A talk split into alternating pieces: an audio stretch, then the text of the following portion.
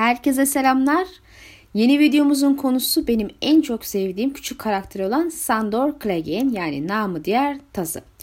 Sandor Clegane oldukça koyu bir gri karakter olarak bize sunuldu. Aslında kış yarı ve kralın şehrine gidilen sahnelerinde Tazı tam anlamıyla siyah renkli kötü adam olarak sunulmuş iken kitabın yarısından sonra daha karmaşık bir geçmişi ve sandığımız kadar siyah olmayan ama koyu gri olan bir karaktere dönüştü. İlk sahnelerde bana göre kesinlikle geleneksel bir kötü adamdı. Öyle tasarlanmış bence. Ve ben bunun sebebini daha önce Martin'in ilk taslağının incelemesi videomun sonunda bahsettiğim Martin'in olmasaydı bu seriyi yazabileceğimi sanmıyorum dediği Ted Williams'ın Memory, Sorrow ve Thorn isimli epik fantastik serisindeki Tazı karakterinden ilham almasına bağlıyorum. Şimdi orada da aynı bizim serimizdeki gibi Tazı miğferi takmış, kötülüğün hizmetkarı olan bir karakter vardı bizim Tazı'da. Joffrey'in koruması olarak serimizin kötü adamlar olarak öne çıkan en azından Stark'ların karşısında Lannister'ların hizmetkar olarak tanıtılmıştı. Haliyle Martin'in ilk kitabının yazım aşamasındayken bu küçük karakteri keşfetmeye başlayarak ona daha derin bir geçmiş ve karmaşık bir kişilik yazmaya karar verdiğini düşünmekteyim. İyi ki de böyle yapmış. Daha güzel ve ilgi çekici bir karakter olmuş. Başlangıcı ne olursa olsun şu an sanır oldukça koyu bir gri kişilik ancak kitapta ilerledikçe hayatında yaptıklarından pişmanlık duyduğunu hal ve davranışlarından fark etmeye başlıyoruz. Geçmişte çok kötü seçimleri vardı ve Sandor onları asla reddetmedi. Bu konuda dürüsttü zaten. Sandor şövalyeleri ya da yalanı zaten sevmiyor. Ee, onu en son e, Sessiz Adada rahiplerin yanında mezar kazıcı olarak gördük. Evet bu bir kuram ama yüksek ihtimalle doğru çıkacak bir kuram. Muhtemelen hayatını yeniden şekillendirmeye ve günahlarını temizlemeye çalışıyor. Yeni bir amaç arıyor muhtemelen. Ben Martin'in Deni karakteri ile açık gri birini koyu griye dönüştürmeye başladığını düşünmüştüm. Ve bunun tam tersinde Sander ile yapıyor olabilir mi diye düşünüyorum. Yani koyu griden daha açık bir gri karaktere evriliyor olabilir mi? Tabii ben bir anda iyilik meleği ol, olacağını falan söylemiyorum ama hani daha önce yaptıkları için tövbe edip aynı şeyleri tekrar etmemesi dikkate değer büyük bir değişim olur. Yani zira Sandor'a göre yere geldi erkekleri, yere geldi kadınları hatta çocukları bile öldürdük ki Mike'ı öldürdüğünü gördük zaten. Şimdi Sandor hala yaşıyor ve bir şekilde hikayeye geri dönecek. Nasıl olduğunu sormayacağım ama bir sonraki rolünü soracağım. Yani sizce onun seçimi ne olacak? Kimi seçmeli? Şimdi biliyorsunuz önümüzde buz ve ateşin savaşı var. E bu savaşla ilgili fikrimin de zaten biraz farklı olduğunu biliyorsunuz. İşte her iki tarafında saf kötü ve saf iyi olduğunu düşünmüyorum. Yani klasik bir iyi kötü savaşı sergilenmeyecek. Elbette daha da önemlisi Ejderhaların Dansı 2 var. E bu olayın buz ve ateş savaşı ile birlikte gerçekleştirme ihtimali olduğu üzerinde hala duruyorum. Çünkü son kitapta ikisini ayrı ayrı işlemek için zaman bence yok ve büyük bir tehdit gelmiş iken insanların salak gibi taç savaşına odaklanmaya devam etmesi tam da Martin yapacağı bir şey. Neyse Sandor'a biz geri dönelim. Şimdi Sandor çok iyi bir dövüşçü ve diğerdeki insanlar ondan korkuyor. O genelde o, genel olarak hiçbir şeyden korkmayan biri ama bir şey var ki onu bu hayatta dehşete düşürüyor. O da ateş. Sandor Craig'in bu yönü bilen kişi sayısı bir elin parmağını geçmez ama ateş onun en büyük zaafı, en büyük korkusu. Yanan yüzünün sırrını biliyordu diye düşündüm Sansa. Korktuğu sadece ateşti. Clegane şimdi gülmüştü. Ölüm beni korkutmaz. Sadece ateş. Tazının ateşten korkması için geçerli bir sebebi de var zaten. Küçük bir çocukken ağabeyi da da sırf onun oyuncağıyla oynadı diye öfkelenmiş ve yüzünü ateşe basarak yakmış. E bu sayede Sandor'un yüzünün yarısı yanık vaziyette. Yani tazı ateşin ve ateşte yanmanın ne demek olduğunu çok iyi bilen biri. Bunu tatmış, iliklerinde derisinin altında hissetmiş ve tabiri caizse de cehennemi hala hayattayken yaşamış biri. Tabi olarak da Sandor ateşe karşı büyük bir nefret ve korku geliştirmiş. Öyle ki Sandor Berik ile yaptığı düello sonunda kolu alev alıp yandığında Arya şaşkınlıkla onun ağladığını görmüştü. İşte Taz ateşten gerçekten de bu kadar korkuyor. Bir bebek kadar ağlayacak kadar. Lütfen diye hırladı Sandor Clegane kolunu tutarak. Yandım. Bana yardım edin. Biri bana yardım etsin. Ağlıyordu. Lütfen. Ali hayretler için adama baktı. Küçük bir bebek gibi ağlıyor diye düşündü. Martin'in mitleri ve efsaneleri kitaplarında Martin'in mitleri ve efsaneleri kitaplarında kullanmayı sevdiğini bildiğimize göre tazının mitlerdeki karşılığı var mıdır sorusunu sorarsak bana göre açıkçası kesinlikle var. Bana göre Sandor Clegane bir cehennem tazısı. Cehennem köpeği olarak da ifade edilen cehennem tazıları ağırlıkta batı kültürün mitlerinde kendine yer edinen yeraltı dünyasının kapı bekçileridir. Yani anlayacağınız üzere ölümle bağdaştırılmış doğaüstü yaratıklardır.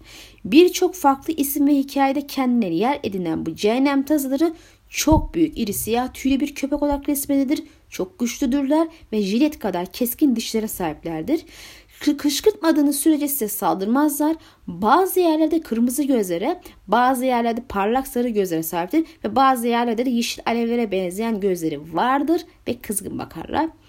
E, korkunç görünürler çoğu hikayede. E, en ünlüsü Yunan mitlerinde yer alan şu üç başlı köpektir.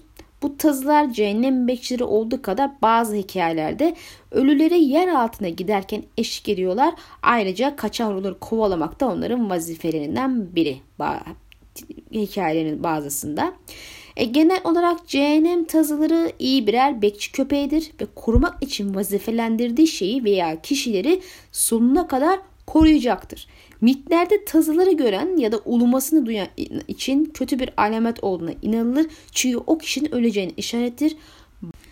Bazı mitlerde bu köpekleri bir kere ya da üç kere görmenin ölümle lanetlendiğine inanılır. Yani bu yüzden bu hayvanların bir diğer ismi de ölüm taşıyıcısıdır. E, kimi hikayelerde kötü huylu resmedilirken Gal mitlerinde iyi huylu olarak resmedildiği de olmuştur ama buna rağmen orada bile ölüm alameti olarak kabul edilir. E, cehennem tazıları ağırlıkta Kuzey Avrupa mitlerinde vahşi avında bir parçasıdır. Bu önemli bir efsane bu yüzden buna da değinmekte fayda var. Vahşi av e, genel olarak hayalet süvarileri, süvarilerin avı olarak da anılabilir. Bu hayalet süvarilerin avı bazı Türk kültüründe varmış diye okumuştum. E, Gal mitlerinde bu av sonbahar ya da kış dönemlerinde başlarmış ve genelde avın hedefi suçlularmış. Biz tabi İskandinav mitlerine odaklanıp çünkü seride kuzeyle alakalı meseleler ağırlıkta e, bu kuzey ülkesiyle ilişkili. E, efsanelerde avın yılın en soğuk, en fırtınalı zamanında ormanlardan geçtiği söylenir. E, o sırada dışarıda bulunan herkes istemeden av partisine sürüklenir ve asır yerlerinden kilometrelerce uzak, uzaklara bırakılır. E, mitoloji uzmanı Jacob Grimes e, hikayenin kaçınılmaz olarak Hristiyanlık öncesinden modern zamana doğru değiştiğini varsaymış. Efsane başlangıçta bir tanrı ve tanrıçanın kutsal bir bayram sırasında ülkeyi ziyaret ettiği kutsamalar e, getirdi ve insanlardan adaklar kabul ettiği bir av olarak başlamıştır. E, uluyan rüzgarlarda insanlar insanlar tarafından duyulabilirlerdi ancak daha sonra kötü niyetli bir sürü e, bir sürü gul yabani olarak tanınmış. E, aynı yazar eskiden bu avın liderinin bir kadın olduğunu belki de Odin'in eşi olabileceğini düşünmüş. Yani her kültürde avın lideri farklı. Misal bazılarında ölüm tanrıçılarıdır ama İskandinav mitlerinde avın başına genelde Odin resmediliyor. E, soğuk bir gecede yapılan bu avın avcıları zaman zaman periler, ölüler, elfler ve valkyrler olarak görülebilir. Av efsanelerde genellikle mevsimlerdeki bir değişikliği veya savaşın başlangıcını ifade ediyordu. E, daha belirgin olmak gerekirse kuzey geleneğinde vahşi av büyük kış fırtınaları veya mevsim değişiklikleriyle eş anlamlıydı. Doğal olarak da tazılar bu av partisinin başındakinin kişinin köpekler olarak efsanede yer edilmiş ve avını kovalamıştır. Şimdi bu vahşi avın yılın en soğuk döneminde gece vakti yapılması ve dahası bunun büyük kış fırtınalarının mevsim değişikliğinin habercisi olması ve elbette ki savaşların eminim dikkatinizden kaçmamıştır. E, genelde bu avın başında Odin'in resmedilse de Jacob Grime'in eski dönemlerde başlarında bir kadın olduğunu düşündüğünü aktardım. E, muhtemelen Odin'in eşi olduğunu varsay, varsay, varsaymış. E, suvariler arasında bulunan avcılar arasında Wiki kaynağında Valkyler olduğunu gördüğüm için vahşi av hakkında bilgi edinim sitenin Asıl metnin içine de onları da ekledim. E, daha önceki videolarımda Arya'nın bir çeşit Valkyrie'ye denk düştüğünü anlatmıştım. Bu Valkyrie'ler e, Odin'in büyük güçler bahşettiği ölümlü kadınlardır ve savaşlara doğrudan katılmasa da güçlerini kullanarak etki sahibi olup savaşın kaderini değiştirirler ve savaşta yer alan en iyi savaşları tespit edip ruhlarını Valhalla'ya götürüp Ragnarok için hazırlar ve Valhalla'da onlara kupa taşıyıcısı olarak hizmet ederler ki kupa taşıyıcısı ismi cehennem köpeklerinin ölüm taşıyıcıları ismiyle benzerlik göstermekle beraber Valkyrie isminin manası da katledilenlerin seçicisidir. E, bu bacılar savaş alanında desteklemedikleri savaşların ölümüne neden olacak güçlere sahiptirler. Ayrıca e, sevdiği ve değer verdiği kişileri de ölümden korurmuş. E, Odin'in de sayısız ismi ve yüzü olduğunu ve bunlardan bazılarının ölümle ilişki olduğunu size söylemem gerekir. Bunlar nedir derseniz işte ölülerin efendisi, yok edici ve öldürülenlerin seçicisi. Her biri büyük öteki ve çok yüzü anımsatan isimler olmakla beraber bilhassa da öldürülenlerin seçicisi isminin bize doğrudan ölecek kişileri mimleyen seçen çok yüzüğü anımsattığı da aşikar. Eğer meseleyi toparlarsak cehennem tazıları vahşi katılan, ölüm alameti olarak kabul edip görülen, siyah küplü, çok büyük iri cüsseleri ile dikkat çeken, korkutucu görünüşlü ölüm dünyasının sadık bekçi köpekleridir. Ayrıca bazı mitlerde üç baş olarak kabul edilir ya da üç göre onu görürsen ölümle lanetlendiğin söylenir. E, vahşi av sırasında onların ulumasını duymak istemezsiniz. Bu kötü bir şeydir. E, kuzey ülkelerinde Odin'le bağlantılıdırlar. Yani ölüm tanrısı diyebiliriz bir yönüyle de. E şimdi gelelim Sandur'un yani bizim tazımızın bu hayvanlarla benzerliğine. En önce bu ailenin armasında üç başlı köpek var. Ve Sandur'un ölen bir kız kardeşi ve tabii ki dağ lakaplı bir ağabeyi de var. Yani aslında Klegenler üç başlı köpekler olarak resmedilmiş serimizde. Dağ Tayvan'ın tüm pisti işlerini yapan avcı köpek iken sonradan kendisi ölüp diriliyor ya da işte Drogon'a e, Drogon'a yapılan e, kan büyüsü ile e, ölümü engellendi. Bilemiyorum bu kısmı tam. Böyle bir düşüncem de var. Yani yaşam ve ölüm arasında sıkışmış hayat gibi bir şey bu. Bu köpeklere hayalet olarak da anıms, anıldıkları var bazı mitlerde. Tazının ve ağabeyinin çok iri ve büyük cüsseleri ile öne çıktığını zaten biliyoruz ki tazı Braine'den bile uzundur ve ayrıca kendisi sürekli öfkeli gri gözlere ve simsiyah saçlara sahiptir. İlk tanıdığımız sıralarda kendisinin yeşil bir pelerini vardı hatırladığım kadarıyla. Sandor'un lakabının tazı olması zaten önemli bir ayrıntı ama diyorsanız, diyorsanız ki tek başına bir şey ifade etmez. Size onun siyah atının ismini hatırlatmama müsaade edin ismi yabancıydı. Yani Westeros'un yedi inancına göre ölüm ilahının ismi. Yabancının Essos'taki diğer isimleri neydi peki? Gecenin aslanı, kara keçi, soluk çocuk, çok yüzlü ilah ve Roller'ın takipçileri tarafından bilindiği ismiyle Büyük Öteki. Şimdi Sandor'un önüne gelene ölüm saçan en azından düşman olarak karşısına çıkanları ölüm saçan ama kışkırtılmadığı sürece de saldırmayan biri olduğunu biliyoruz. E daha sonra oldukça sadık bir bekçi ve korumadır. Size bağlandıysa sonuna kadar sizi korumak için çaba sarf edecektir. E Sandor'un ayrıca intikamcı bir ruh haliyle dolandığını ve sürekli öfkeli olduğunu, en önemlisi ateşten nefret ettiğini asla unutmayın. Bu bazı yönlerden Arya'yı da anımsatıyor bize çünkü o da çok öfkeli bir genç kız ve intikamcı bir ruh haline sahip. E, Sandor'un ilk sahnelerde yeşil bir pelini giydiğini de göz ardı etmezsek iyi olacak tekrardan hatırlatayım. Çünkü biliyorsunuz ki yeşil renk deney için uğursuzluk oraya bağlayacağım çünkü. E bu bilgiler ışığında Sandor'un gelecek seçimlerini kuramlaştırırsak eğer ileride gerçekleşecek asıl savaşlarda Deni ve ejderhasının düşmanı olarak öne çıkacaktır. Çünkü Deni ateş ve kan sözlerinin vücut bulmuş hali olarak ejderha, ejderhalarıyla ateş saçmaya geliyor Westeros'a. Yani sanmam ki onun bir Clegane olarak Targaryen yanında yer alsın. Hem ailesinin geçmiş yüzünden hem de bu ateş etkeni yüzünden. Zaten Tazı ilk kitaplardan itibaren Sansa ve sonra Arya ile yakın bir ilişki kurmuş. Yani olabildiğince yakın bir ilişki kurmuş. E, teması bu Stark kardeşlerin çevresine şekillenmişti. E, Arya ile beraber Nehir topraklarına gezmişti ve bu zaman zarfında hayatını sorguladığını düşünmek yanlıştı. Olmaz. Bilhassa kendisini en son mezar kazıcı olarak gördükten sonra. E Sandor'un dönüşünün tam olarak nasıl olacak konusunda net bir fikrim yok. Yani bu konuda senaryo yazmak pek e, mümkün görünmüyor. Net bir şekilde en azından. Ama bir ihtimal Sansa'yı bulmak için arayışta olan Brainya'ya katılıp vadiye ve oradan Sansa'yı alarak kuzeye yahut sancaksızlarla yeniden yolunu kesişip Lady Stoneheart ile doğrudan kuzeye gideceğini düşünmekteyim. Aslında buna biraz da ihtiyacı var çünkü tazı bir bekçi köpeğe ve bir sahibe ihtiyacı var.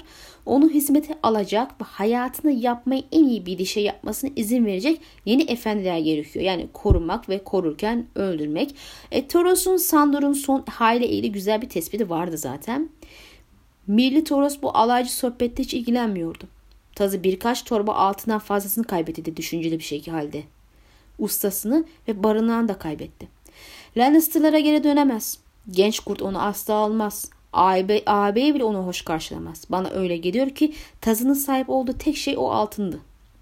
Ve tabii ki aslında intikam arzusu. Bunu da unutmamak gerek. Tazı abisinin öldüğünü duyunca hayatta kalmak için sahip olduğu tek şeyi de kaybetmişti. Kinini ve intikam arzusunu. Sandor Clegane denen adam hakkında çok az bir şey biliyorum. Uzun yıllar boyunca Prens Joffrey'nin yemini kalkanıydı. Yaptığı şeyleri buradan bile duyardık. Hem iyi hem kötü olanları. Eğer duyduklarımızın yarısı bile doğruysa Sandor işkence görmüş yaralı bir ruhtu. Hem insanlarla hem de tanrılarla alay eden bir günahkardı. Hizmet etti ama hizmetinde onur bulamadı. Dövüştü ama zaferden tat alamadı. Acısını bir şarap denizinde boğmak için içti. Ne sevdi ne sevildi. Onu hayatı tutan nefret duygusuydu. Çok günah işledi ama asla bağışlanmak istemedi. Diğer adamlar aşk, zenginlik ya da şöhret hayalleri kurarken Sandor Clegane öz ağabeyini öldürmenin hayalini kurdu. Bu öyle bir kor- korkunç bir günah ki bundan bahsetmek bile beni ürpertiyor. Mamafi, Sandor'u besleyen ve onun ateşini canlı tutan yakıt buydu. Ne kadar onursuzca olursa olsun o hüzünlü ve öfkeli yaratık kılıcında ağabeyinin kanını görebilme umuduyla yaşadı. Ve Don Prince Oberyn zehirli mızrağını Sir Gregor'un bedenine sapladığında bu umut bile Sandor'un elinden alındı. Haliyle Sandor'a yaşama sebebi verecek yeni sahiplere yeni bir amaca ihtiyacı var ve ben bunun genel olarak Stark'lar olacağını, özelde ise Arya ve Sansa olacağını düşünmekteyim. Dediğim gibi Sandor'un bu iki kız kardeşli bir bağı var. İlk tanıştıkları hoş olmamış olsa da zaman içinde onlarla bağ kurarak kendince korumaya ve ilgilenmeye çalışmıştı. Şimdi aynı şeyi neden gerçek anlamda yapmasın açıkça ve doğrudan? E şimdi savaş geliyor ve Sandor da bu savaştan kaçamayacak. Yani ölüme hizmet ediyor gibi görünen ve ateşten nefret eden bir cehennem tazısının ölümün yani ateşin düşmanı büyük ötekinin buzun şampiyonu olduğunu düşündüğüm ailenin yanında yer alması şaşırtıcı olmaz. Yani bir vahşi av görebiliriz 6. kitapta ya da 7. kitabın başlarında.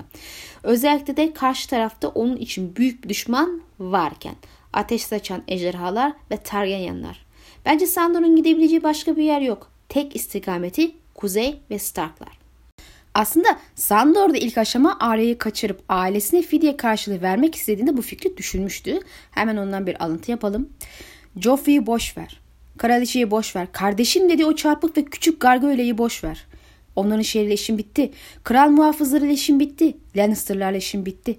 Bir köpeğin aslanlarla ne iş olur sorarım sana. Sadece haydut dostlarının fidye kokusu alabildiğini mi düşünüyordun? Dondaryon benim altınımı aldı, ben de seni aldım. Sen benden çalınanlardan iki kat değerlisin derim.